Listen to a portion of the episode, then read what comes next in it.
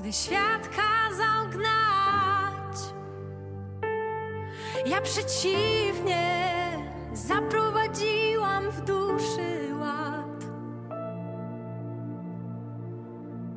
Niech Pan obdarzy Was spokojem. Poniedziałek drugiego tygodnia Wielkiego Postu.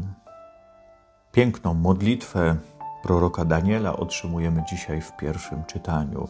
I choć ta modlitwa sama w sobie jest piękna, to okoliczności, które jej towarzyszą, już takie piękne, już takie dobre nie są.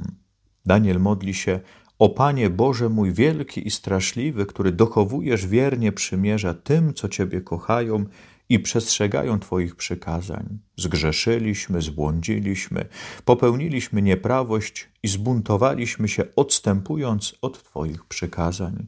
Nie byliśmy posłuszni Twoim sługom, prorokom, którzy przemawiali w Twoim imieniu do naszych królów i do naszych przywódców, do naszych przodków i do całej ludności kraju.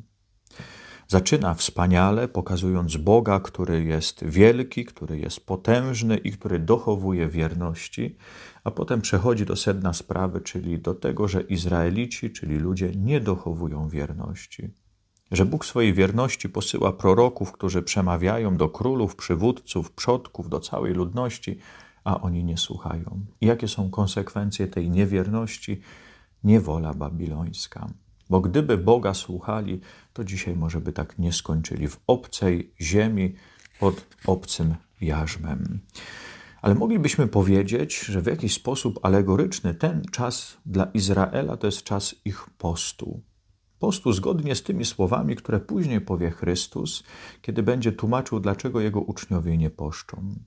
Mówi: Jeśli pan młody jest z weselnikami, to czy oni będą pościć, ale kiedy zabraknie Pana Młodego, wtedy będą pościć. I widzimy teraz, po co jest post. Wtedy, kiedy tęsknimy za Bogiem, wtedy, kiedy nie ma Go w naszym życiu, ale z naszego powodu, czyli z powodu grzechów, post ma nas zbliżyć, żeby ten głód zewnętrzny, który będziemy odczuwać, tak naprawdę ukierunkował nas na ten głód właściwy, czyli głód Boga, na poszukiwanie Boga. I dla Izraelitów ten czas niewoli babilońskiej to był czas postu, poszukiwania Pana Boga, tęsknoty za Bogiem. Nie ma oblubieńca i teraz tęsknią i teraz na niego czekają. Nie ma świątyni, nie ma ziemi obiecanej, nie ma gdzie złożyć ofiary. Nie ma. Ale pozostaje pytanie, czy całkiem tak Boga nie ma, czy ich zupełnie opuścił, czy nie mogą się z nim kontaktować? I faktycznie w tym czasie niewoli babilońskiej odkrywają, że jest Bóg, że jest obecny chociażby w słowie. Zaczną czytać to słowo, i w tym słowie jest Bóg obecny. Powstają synagogi, czyli te specjalne miejsca, gdzie słowo jest proklamowane, odczytywane i gdzie ta Boża obecność jest odczuwalna.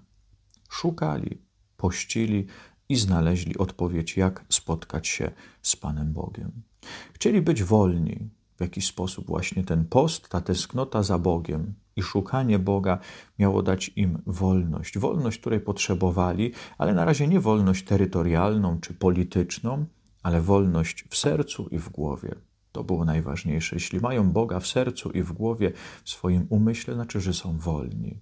Choć byli w obcej ziemi i pod okupacją, to ci, którzy zachowali wiarę, zachowali również wolność. I to jest Daniel, którego modlitwę dzisiaj słyszymy. To są chociażby trzej młodzieńcy, później skazani na spalenie w piecu ognistym, choć wiemy, że Bóg cudownie ich uratował. I wielu takich, którzy tam w tej niewoli babilońskiej nie ustawili się finansowo, nie współpracowali z okupantem, nie robili jakichś biznesów i nie porzucili wiary. Została ta reszta Izraela, ale ci, którzy byli wierni, i ci, którzy mogli być światłem dla innych. Ale najpierw mieli wolność w głowie i w sercu. A kiedy mamy wolność w głowie i sercu, to też nie sądzimy i nie potępiamy. Choć upominamy, choć możemy komuś wskazywać drogę, i zapewne tak robił Daniel i jeszcze inni ci, którzy zostali wierni, to jednocześnie może już realizowali te wskazania, które my dzisiaj słyszymy w Ewangelii. Nie sądźcie, a nie będziecie sądzeni. Nie potępiajcie, a nie będziecie potępieni. Odpuszczajcie, a będzie wam odpuszczone. I tu nie chodzi, żeby odpuścić sobie i teraz co, nic nie robić, nic nie upominać, nic nie mówić.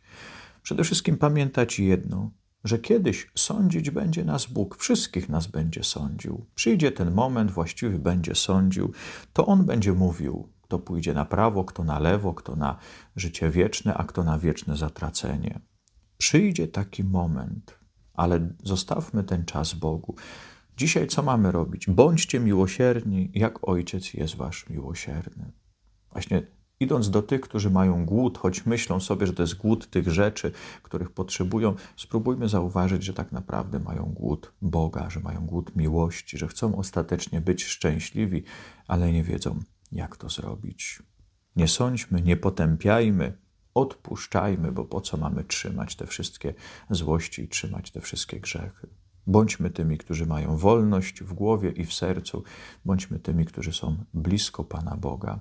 Wtedy Bóg będzie blisko nas i będziemy miłosierni, jak Ojciec nasz jest miłosierny.